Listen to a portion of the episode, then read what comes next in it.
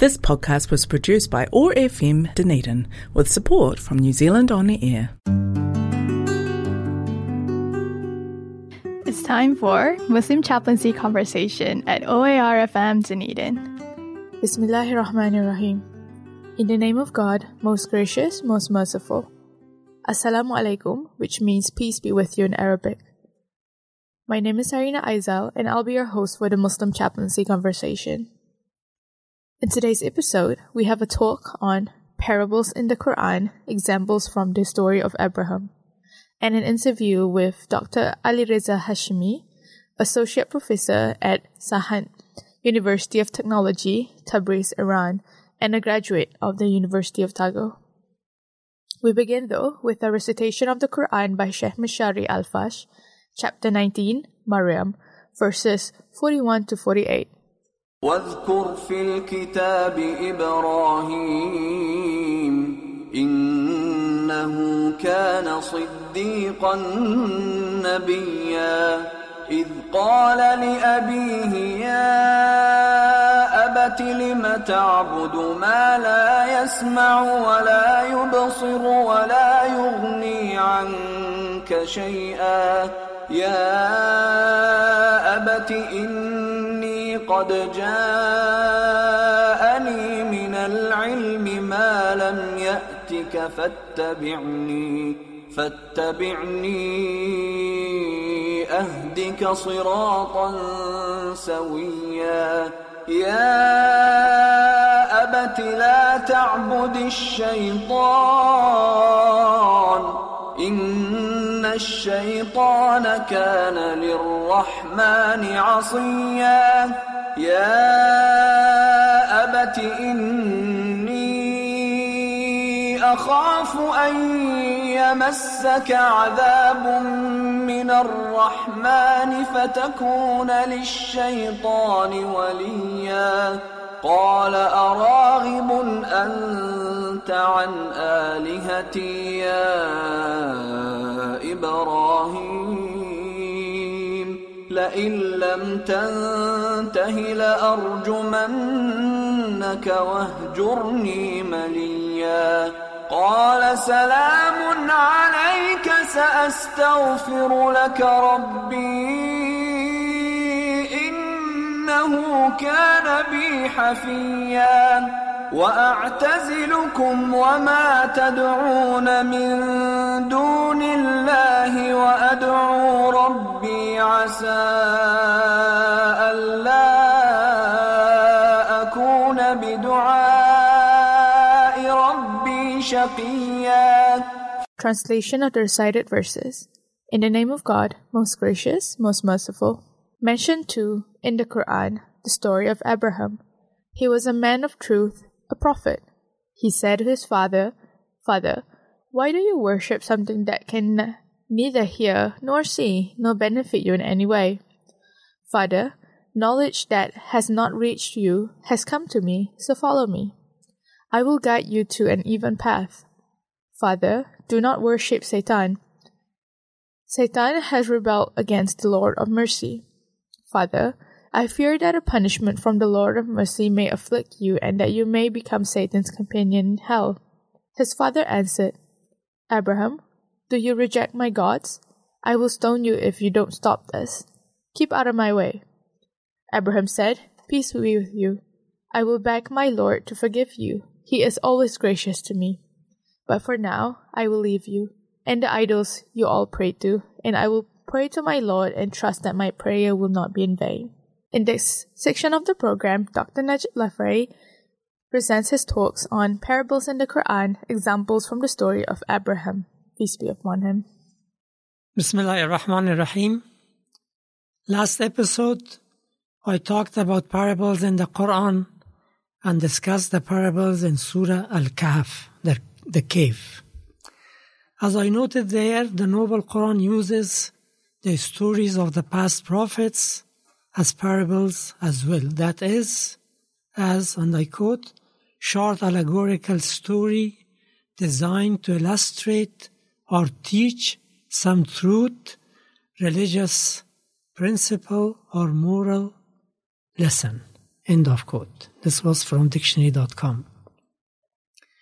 Among the prophets and messengers named in the Quran, Abraham, peace be upon him, occupies a special place. Is not only the patriarch of Judaism, Christianity, and Islam, but the Quran also introduces him as, as the archetypal of those who surrender themselves to their Creator, i.e., Muslims. Chapter 3, verse 67, chapter 6, verse 163, for example. We also read in the Quran, and I quote, Abraham was truly an example, devoutly obedient to God and true in faith. He was not an idol- idolater. He was thankful for the blessings of God who chose him and guided him to the straight path. Chapter 16, verses 1, 20, and 21. Thus, parables from the life of Abraham have a special significance to Muslims.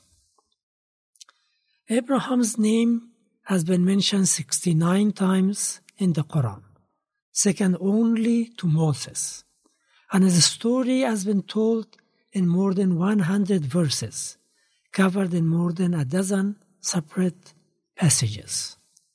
The parables in his life include 1.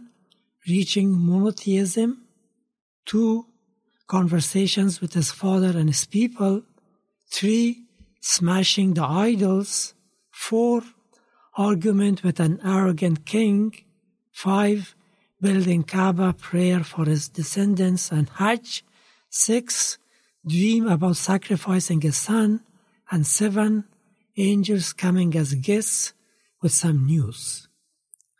Due to time limitation, and also because I referred to them in my talks on Hajj, I will omit the ones on building Kaaba and sacrificing sun. The rest I'll present each with the lessons that can be learned from them. At the time of Abraham, people worshipped not only idols, but celestial bodies too. The Noble Quran tells us that Abraham first rejected idol worship and described those doing it as clearly gone astray. Chapter 6, verse 74. In continuation of that, we read, quote, When the night grew dark over him, he saw a star and said, This is my Lord. But when it set, he said, I do not like things that set. And when he saw the moon rising, he said, This is my God, my Lord. But when it too set, he said, If my Lord does not guide me, I shall be one of those who go astray. Then he saw the sun rising and cried, This is my Lord. This is greater. Then when the sun set, he said, My people, I disown all that you worship beside God. I have turned my face as a true believer towards Him who created the heavens and the earth. Chapter 6, verses 76 to 79. The word translated as a true believer is Hanif in Arabic. It can also be translated as upright person and refers to someone true to their nature and inclined towards a right state. Growing up among idol and star worshippers, Abraham was able to reach monotheism by being true to his nature and using his God-given reason.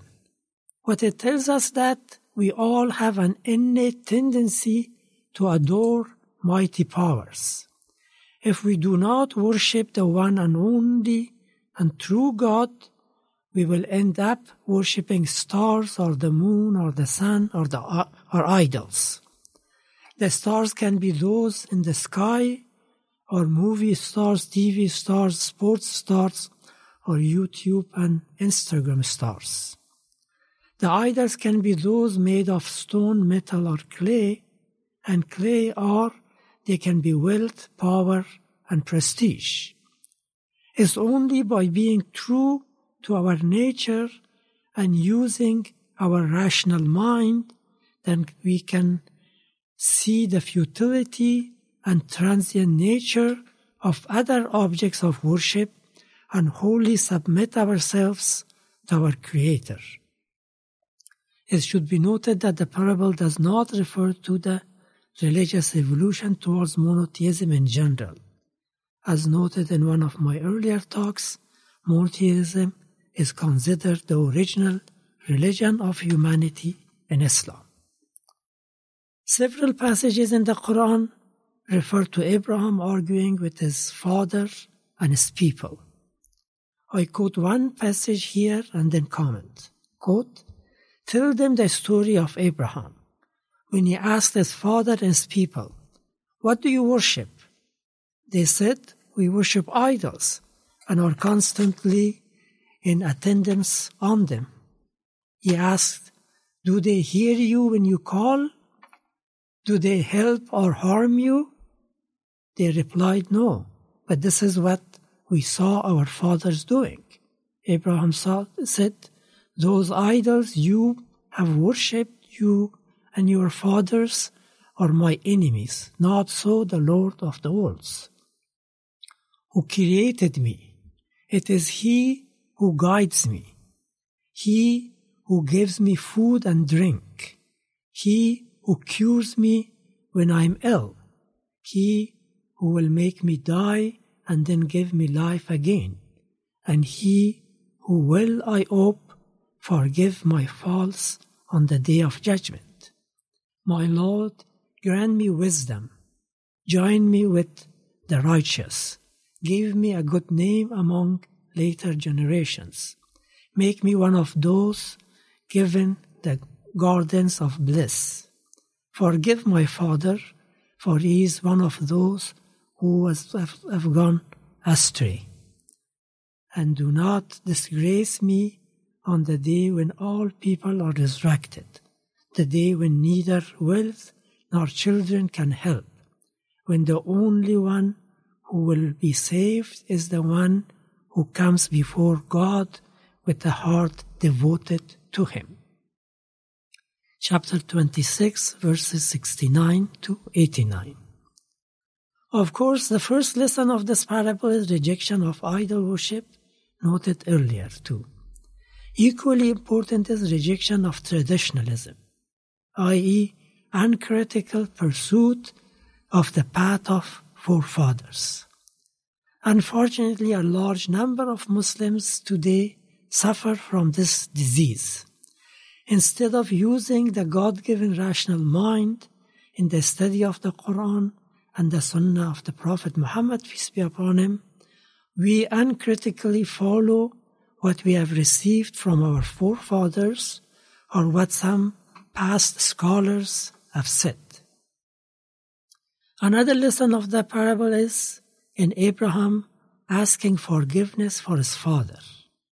His animosity was not to his father's idea, his animosity was to his father's ideas and beliefs, not to himself. Although the Quran tells us that his prayer was not accepted, nonetheless, it describes him as being, quote, tender hearted and forbearing. Chapter 9, 1 verse 1, uh, verse 113. The other lessons are importance of recognizing the blessings of God and the significance of prayer. We often overlook the so-called ordinary blessings we have been granted, like food, drink, and good health. So we need to be mindful of this. But first and foremost, blessing is the guidance that God has provided us. And that is what uh, Abraham mentions first. Abraham's prayer for wisdom, being joined with the righteous, earning a good name, and attaining the garden of bliss, provides a model prayer for his followers. The parable of Abraham smashing the idols has been told in two separate passages in the Noble Quran. Both start with Abraham criticizing his father and his people for idol worship and telling them that the idols had no power whatsoever. To demonstrate this to the people, one day when he finds the opportunity, he breaks the idols into pieces, except for the biggest one. Seeing what happened, the people said, quote, Who has done this to our gods? How wicked he must be. Said some, we heard a youth called Abraham talking about them. They said, Bring him before the eyes of the people so that they may witness his trial. They asked, Was it you, Abraham, who did this to our gods? He said, No, it was done by the biggest of them, this one. Ask them if they can talk. They, the people, turned to one another, saying, It is you who are in the wrong. But then they lapsed again and said, You know very well these gods cannot speak. Abraham said, How can you worship what can neither benefit nor harm you instead of God? Shame on you and on the things you worship instead of God. Have you no sense? They said, Burn him and avenge your gods if you are doing going to do the right thing. But we, God said, Fire, be cool and safe for Abraham. They planned to harm him, but we made them suffer the greatest loss. Chapter 21, verses 59 to 70. This parable again refers to the rejection of idol worship and the importance of using our reason in matters of faith and belief. It also highlights the significance of social responsibility to not only speak against falsehood, but to take practical actions as well. God Almighty rescuing Abraham from the fire tells us of God's mercy and help to those who struggle in his cause. There is also a lesson in idol worshippers realizing they were wrong but pursuing and persisting on pursuing the same course of action. It shows the tenacity of past traditions and social influence, which need strength of faith and character to be overcome. The parable of argument with the tyrant king is told in one verse, in only one verse, in the second chapter of the Quran. Quote, Prophet, have you not thought about the man who disputed with Abraham about his Lord because God had given him power to rule? When Abraham said, It is my Lord who gives life and death, he said, I too give life and death. So Abraham said, God brings the sun from the east, so bring it from the west the disbeliever was dumbfounded. God does not guide those who do evil. Chapter 2, verse 258. This parable illustrates the pride of power. Unlike Zulqarnain in our last talk, this ruler did not realize that it was God who had given him the power to rule. Worldly power as well as wealth can be so intoxicating that a person forgets their feeble beginning and ultimate the ultimate end and claim divinity. The Egyptian Pharaoh at the time of Moses made a public declaration of that, and we find that in the Quran, chapter 28, verse 38. The ruler at the time of Abraham implied the same by claiming to be able to grant life and death. According to most commentators, what he meant was that he could decide which one of his subjects to live and which one to die. Yusuf Ali also relates it to science, and I quote from his commentary Babylon, Abraham's original home, prided herself on her art and sciences in the ancient world. Science can do many wonderful things. It could then, it can now.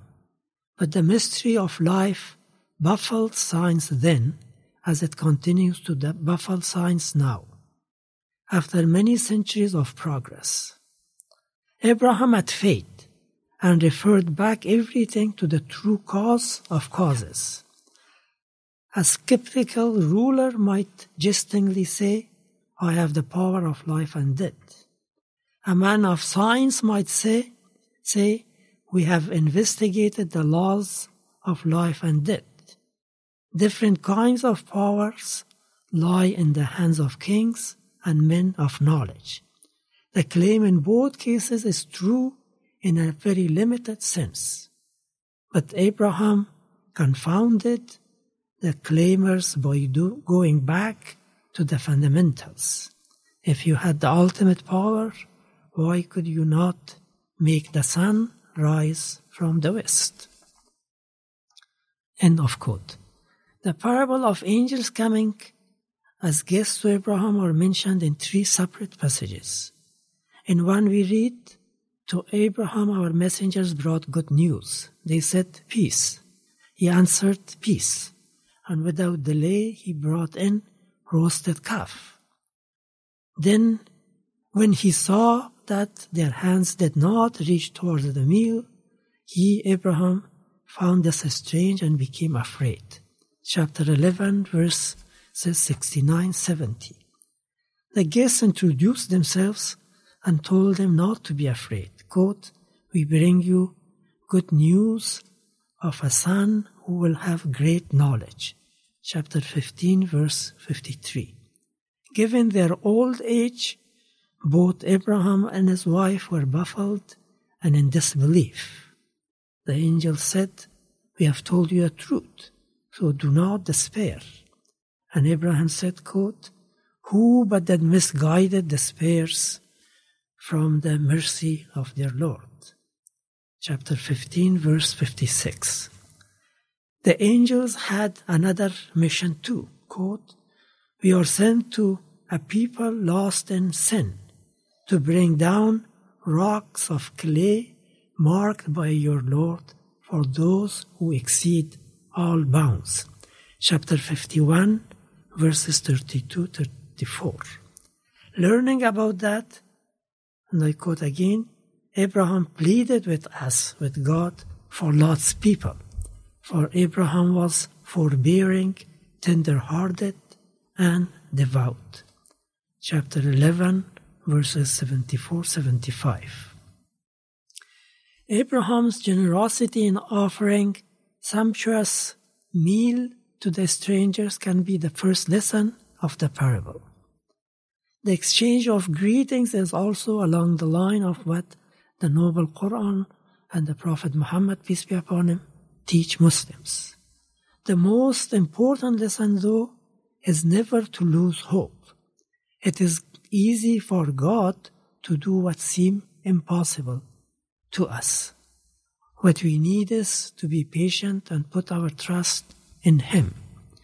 Abraham's pleading for Lot's people because of his forbearing and tender heartedness is also a lesson for Muslims to emulate. In brief, parables from the life of Abraham, peace be upon him, offer lessons in being true to our nature and using reason in distinguishing the truth from falsehood, fulfilling our social responsibility in speaking and acting against evil, acknowledging God's blessings, being generous, forbearing, and compassionate. And finally, and most importantly, devoting our whole being to the one and only who created the heavens and the earth. Thank you. We will now have our interview with Dr. Ali Reza. Assalamualaikum, Dr. Ali Reza. Thank you so much for being here today on Muslim Chaplaincy Conversations. Assalamu alaikum wa rahmatullah. It's my pleasure. Thank you for inviting me. Hmm. Um, would you mind introducing yourself to our listeners? Yeah, I am Ali Reza Hashemi Oskui, but uh, you can briefly call me Ali, Ali Hashemi. Uh, I am uh, from Iran and uh, I have come back to Dunedin about four months ago with my family. Because you've been here before. Uh, Yes, I was here between 2007 and 2012. I got, I, I did my PhD and I got my PhD in 2012. And yeah, I went back to Iran and then I come back to here. um, I look forward to hear more about your journeys later during the show. yes. Um, can you tell us a bit about what it's like growing up in Iran? Actually, I born in Tehran, capital, but we went to my father and mother's city when I was eight, eight years old. Uh, I did my primary element, um, uh, intermediate and high school in my city, Osku, near to Tabriz in northwest of Iran. Then I entered to the university in 1991, I think, yeah, and I uh, did my bachelor in Isfahan University of Technology in Isfahan in central Iran, and I did also my master in Mashhad University of Medical Science in medical physics, and I finished all of them in 1999, and I ma- I got married in 1999 as well. And yes, and then uh, after few in few years working in Iran, I got a scholarship from the University of Otago. I came to do my PhD here. I came in 2007, and I got my PhD in biomechanics in 2012. Thank you for that. Um, overview. Yeah, yeah, I, I told. And for um, when you were growing up in Iran, can you tell us a bit about your family? Do you have any siblings? Yeah, actually, my mother and my father were teacher. Now they are retired, and Alhamdulillah, they are in uh, life. And um, I have got a brother and a sister. Brother is a surgeon. He is working in north of Iran, and my sister is electrical engineering. He is doing his job in uh, my city, Osku, near to Tabriz. Um, yeah, that's my family. My wife is a radiographer, and she has now, I think, 20 years experience. And we got familiar with each other in the university back 1999. And yeah, we got then, we got married then, and and I have got three children, three daughters. Alhamdulillah. Yes, and one of them is going to finish uh, his um, study as a pharmacy. Um, she has uh, she has studied here at the University of Otago, but two others they born in New Zealand in Dunedin, but they are now they are going to the intermediate school. And just reflecting back on Iran when you were growing up, did you have any religious education at school? Um, no, I didn't have. We had some courses during our intermediate and high school for Quran, but no, I, I didn't go to the religious school. Was that something you learned in your family at home? Um, yes, uh, yes. Um, my dad was interested to teach Quran and also to teach Masnavi from Rumi. And so, yes, I learned from them. Do you have any childhood memories that you enjoy about being in Iran? Uh, all, childhood is memory. I, I can't pick up one of them, but I was uh, interested to uh, to to play like as other children with our neighborhood children and um, not, not a specific one I can choose, but all of them. I, I think yeah, I, I have got lots of memories. I enjoy remembering them.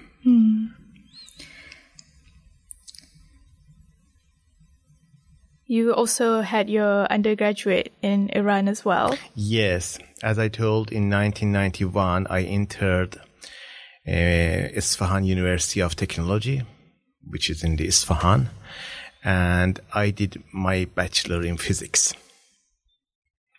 And it took four years in Iranian system, education system, bachelor's and it's four years. And I got my uh, bachelor in undergraduate degree in physics. Have you always wanted to study physics? Uh, look, uh, not, not not exactly physics. Maybe I I, I was interested to study physics and engineering, but I got inter- I got admission for physics. And I went there, I got interested to physics and even now I like physics. Even now, be- be- because I have changed a little bit, I will explain later.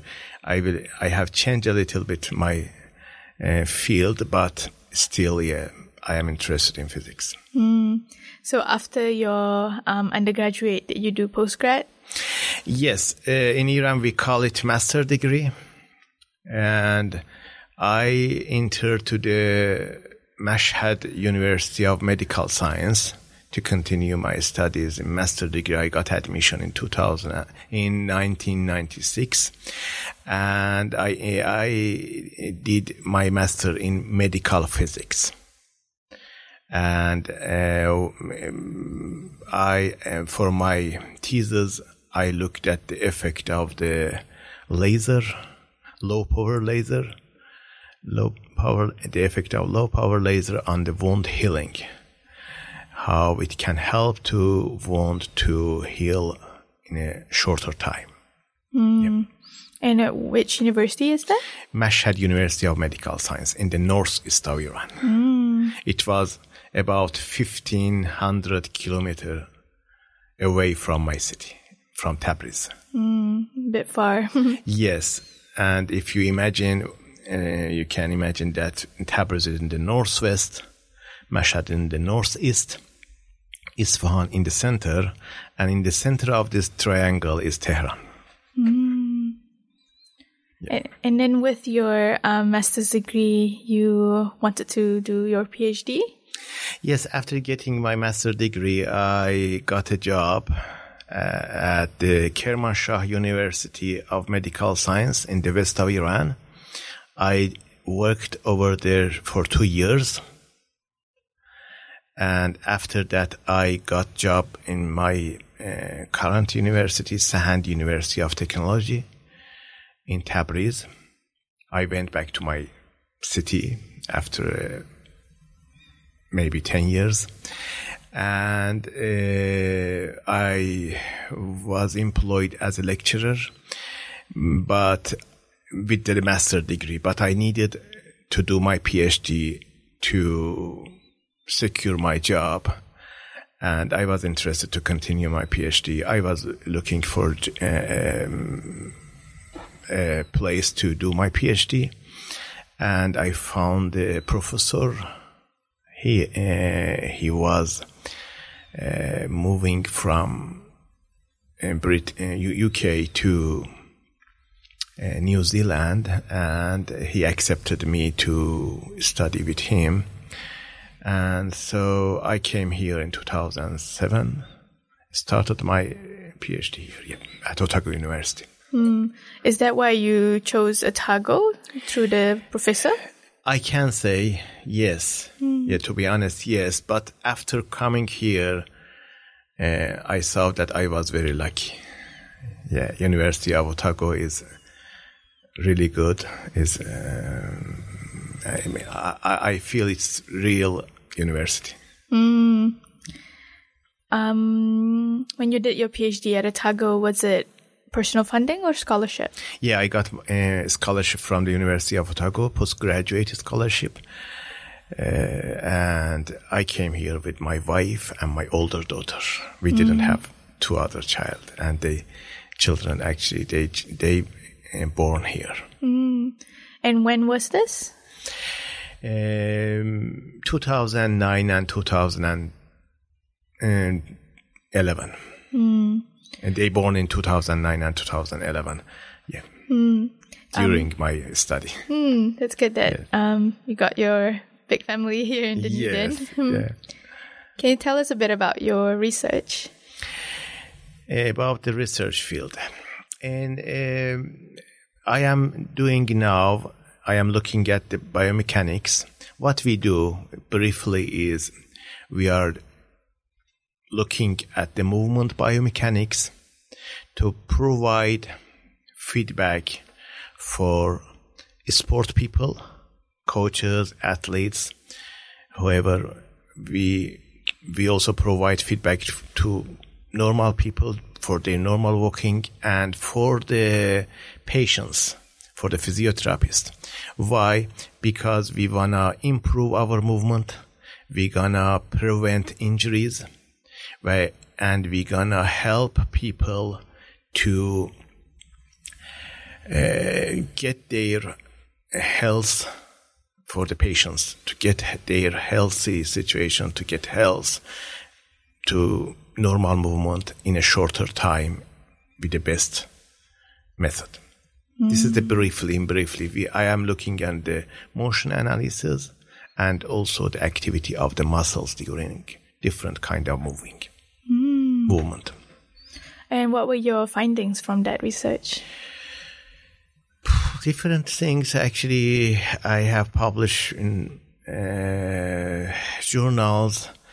Um, I have looked at different studies. I can't pick up them, but if I want to pick up a, a general one, in one study we looked at the shoe type, the effect of the shoe type and shoe heel on our movement, how it can make danger for our health for the bones, muscles, and joints. Uh, which one is better to use in our in different kind of movements? Yeah, that's the general one I can tell here. Um, th- that's really good research. And do Yeah, you thank you. do you see uh, do you find the significance of the study, especially in New Zealand? Uh, New Zealand for me, especially Dunedin. Uh, New Zealand for me, um, I have done my PhD here. I have got family here, so um, uh, for my research, I think uh, New Zealand has done has has got a big impact. So the University of Otago so uh, has had a big impact on my uh, academic life and also for my family. Um, so, my, my, as I told, my daughter is studying here. So, the environment of the University of Otago, the community of the our um, uh, Muslim community has had big impact. So I can say New Zealand is a is an important part of our life. Hmm. Living in New Zealand, yeah, is um, I, I think um, um, um, we, we can't actually put away. This is a part of our life. This was a and still it is, and so I can say, yeah, it's the kind of my country. I can feel I am living in my country. Mm, that's good that you feel at home Yes. here and that you came back. And the reason I can say is uh, I have got introduced. I, I, I want to be honest with you. I have got introduced with a good community in that time. And especially from in the mosque. I have got many good uh, friends. They support a lot. They supported us a lot. So I think uh, yeah, maybe one reason is that a part of the, uh, uh, my job and academic life for our life, yeah, it has got a big, nice, and kind impact for us. Um, I'm interested to hear more about your life in New Zealand uh, later during the show. Yeah. Um, we might talk about your professional work life. Um, you did mention that you worked a bit in Iran before Yes. moving to New Zealand. Can you tell us a bit about what you did? As I told, I was lecturing two different um, university. Um, I started my job in uh, Kermanshah University of Medical Science. That was medical science. I was teaching medical physics over there. I was doing research in medical physics uh, field over there, and that university is in the west of Iran. 600 kilometer under Tabriz. So uh, just I, uh, near to Iraq. It, um, um, the Kermanshah province has a border with Iraq. And then after finishing two years, I got job in my city. And I went back to uh, my city, Tabriz. And I uh, got employed as lecturer. I was I worked over there four years as a lecturer, and they gave me some executive works as a coordinator for the cultural affair, affair and events as well. And then, yeah, before coming in New Zealand, I was lecturer at two universities. When I am saying they are two different universities, one is just medical science, another one is just for technology science. Uh, I'm in engineering, the Sahand University of Technology. Mm, so, if you had experience in different universities, Um, because of my field. My field is interdisciplinary, so inter-subject uh, field. So it is um, bioengineering or medical physics. So um, they are they are in both universities, in medical universities and engineering, technology universities. Yeah. can you tell us about the universities in Iran? Uh, you mean the education system? Yes, it's a little bit different from here. Uh, in overall, I think we have got two kind of education system in the world. One is coming from the United States, another one is coming from UK. I think ours is near to United States system. We after finishing high school, uh, all people who like who like to go further and study further, they need to sit in a entrance exam. That exam is for everybody. So they got some uh, grades, and with that grade, they can be selected and they can got admission from different universities. We have got government funded universities and we have got private universities. Uh, we have got about 130 f- government funded universities, but about 50 of them are famous and most of students are interested, which mine is one of the, those 50. My university is ranked 30. Uh, the bachelor degree takes four years. We don't have bachelor with, honor, something like that. Mm. We say bachelor. It takes four years, including a research project, a brief research project, and some placements. After that, we have got two years master. We don't have, for, for example, postgraduate diploma or something like that. We have one kind of the master degree and then PhD degree. It takes four years at least. Uh, and uh, in both master and PhD degree, there are some papers to do. So they need to pass some papers. The students in the master and also in PhD, they need to pass some papers. Otherwise, they can't actually go to the research. After passing in PhD, after passing uh, papers, they sit in a big exam. And if they are successful, they can start their thesis. Mm, so it's a bit different. Than, Uh, yeah, I, I can say yes. um, are there a lot of international students in Iran? Uh, recently, yes. In recent years, as you know, we um, we have got 14 neighbors. Our uh, country has got 14 neighbors, and we have got borders with them. So, and we are also a country from the Muslim community, uh, from Muslim countries. In recent years, yes, uh, some of universities in Iran have started to accept to get and to give admission to international students.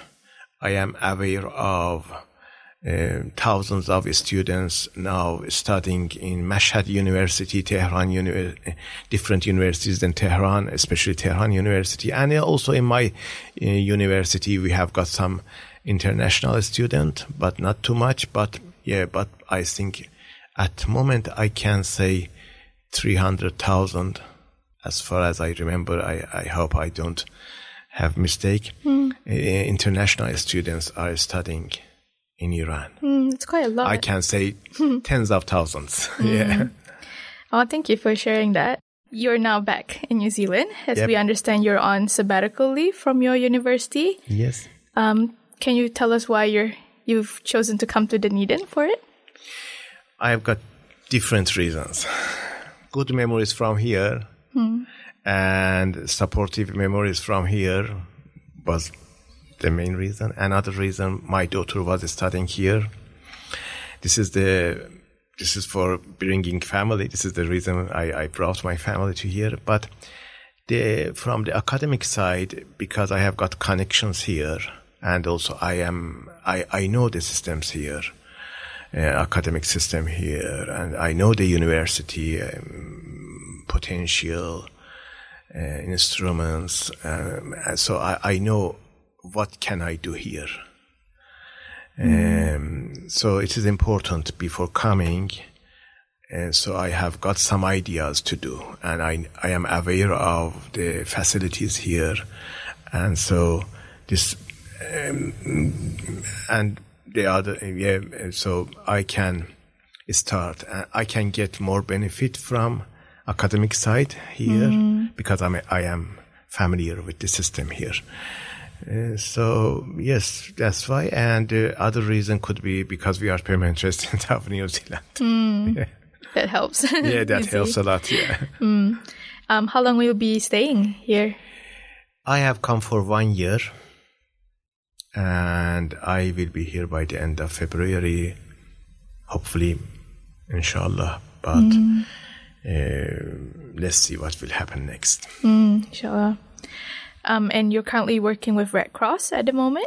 Can you tell us what you're doing? Yes, I have got a part jo- part-time job in Red Cross as a caseworker, and I help to refugee people who are uh, who have who have just arrived, and I help them to get settled. So I am settlement caseworker. So I I just help them to uh, settle down in the city and to get familiar with the um, Dunedin and the system in Dunedin and the living lifestyle in Dunedin, living things. Yeah, I mean, that's uh, kind of helping to settle down.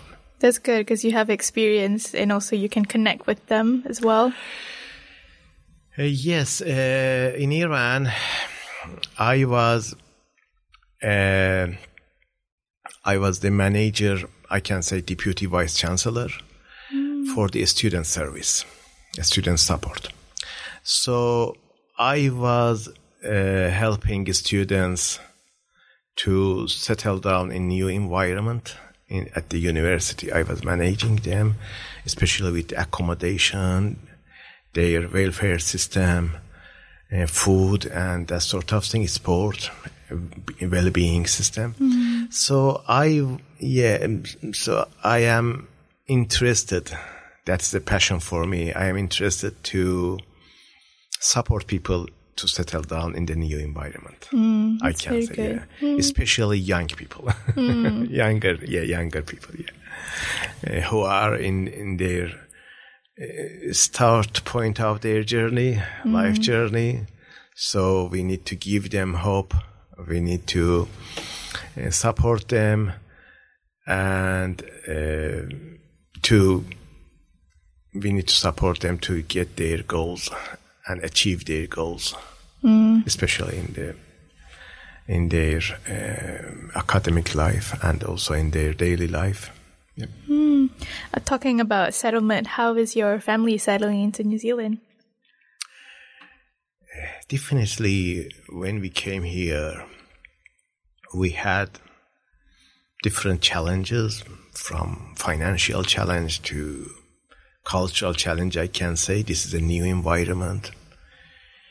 But as I told you, supportive environment helped us to overcome to the these challenges. We so we got um, good experiences, and we in a short time we got back to the normal life. Yeah. Can you give us some examples of the challenges you faced? Um, this is uh, if it goes back to many years ago, but definitely financial challenges for a student. Scholarship is just a small part of the life, but um, it doesn't cover uh, all costs. Schooling, finding a good school, and finding a school for um my daughter. She was five years old uh, then uh, finding job for my wife, uh, f- um, get involved with the Muslim community. I mean, get introduced to the new community, Muslim community.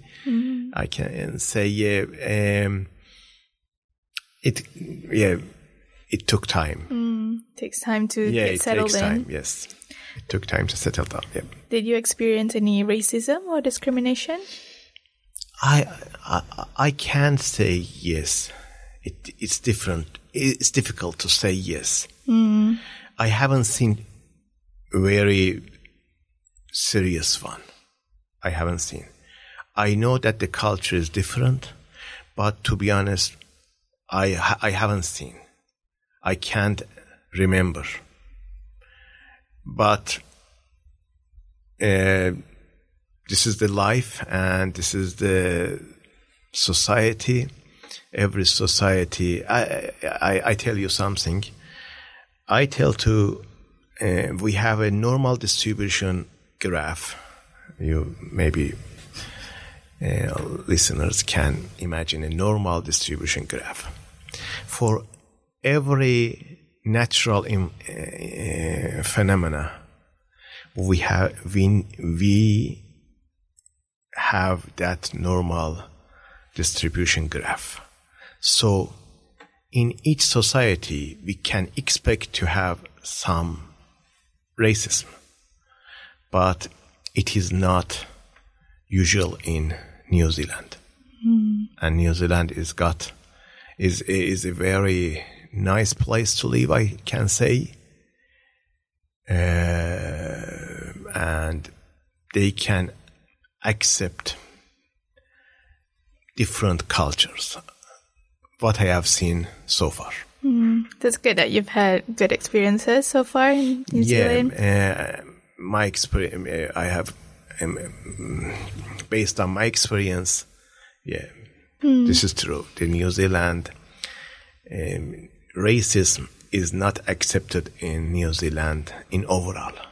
But as I told you, in each society we can have some individuals. Yeah. How are you finding Dunedin? Um, and are you looking forward to visit other parts of the country? I have visit, I have already visited some parts of the uh, country, not too much, but I have been Auckland, I have been in Queenstown, Wanaka. Uh, I have visited Southern But Dunedin, um, look, uh, I, in my uh, life, in last 32 years, I have been in university. So the most important reason I like Dunedin because it is affected by the university. You can find links in every family directly or indirectly to the university. So the uni- the environment is a university environment. So for me, that's the best uh, reason to say Dunedin is good for living. Other is Dunedin has uh, got everything a developed city needs to get, needs to have. So you can find every facilities here in Dunedin, in my opinion, which you you can you you uh, expect to see in a developed city. We have got good health system here. We have got good shoppings, and other reason is accessibility. So you can access to all of these in few minutes. Mm-hmm. You don't need to spend your time in traffics and yeah, rush hours in big cities. Mm. Well, thank you so much, Yeah, um, Dr. pleasure. Ali, for being here today. And we, we're really happy that you came back and wish you all the best for your time in Dunedin while you're here. Thank you very much. It's my all my pleasure, and it's nice to uh, talk with you. I hope uh, our uh, uh, Muslim com- our people in our Muslim community can enjoy living in New Zealand, and they uh, got uh, good memories with living in New Zealand. Thank you. Now we listen to an Iranian song in Farsi and Turkish by Ali Reza Ghorbani and Alim Gasimov.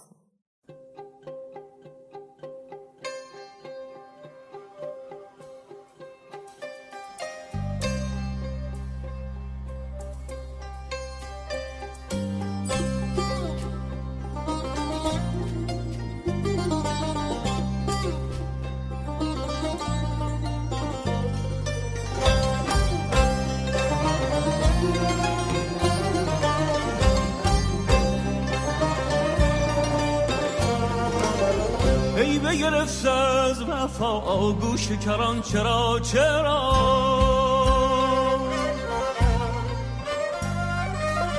ای ki alın vefa گوش کران keran neden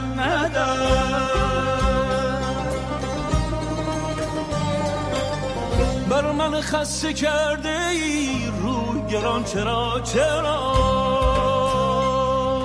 من یازقا قشقبقم Oldu giran nədən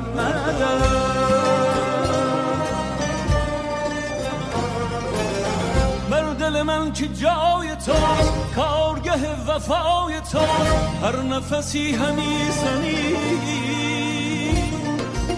زخم سنان چرا چرا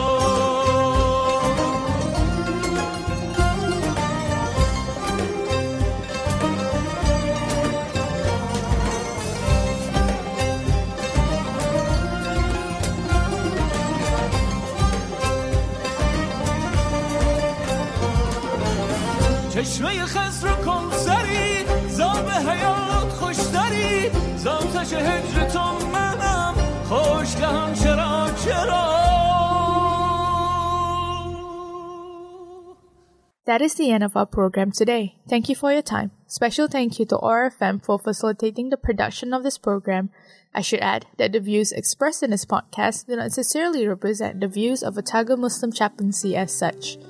If you have any questions, please email muslimchaplaincy at otago.ac.nz. We hope to see you next time, inshallah, God willing. Assalamu alaikum. You've been listening to Muslim Chaplaincy Conversation at OARFM Dunedin.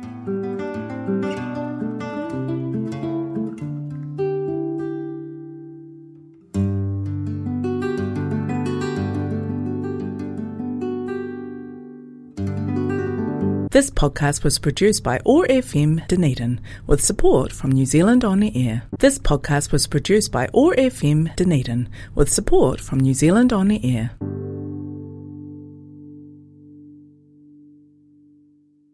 This podcast was produced by OARFM Dunedin with support from New Zealand On Air.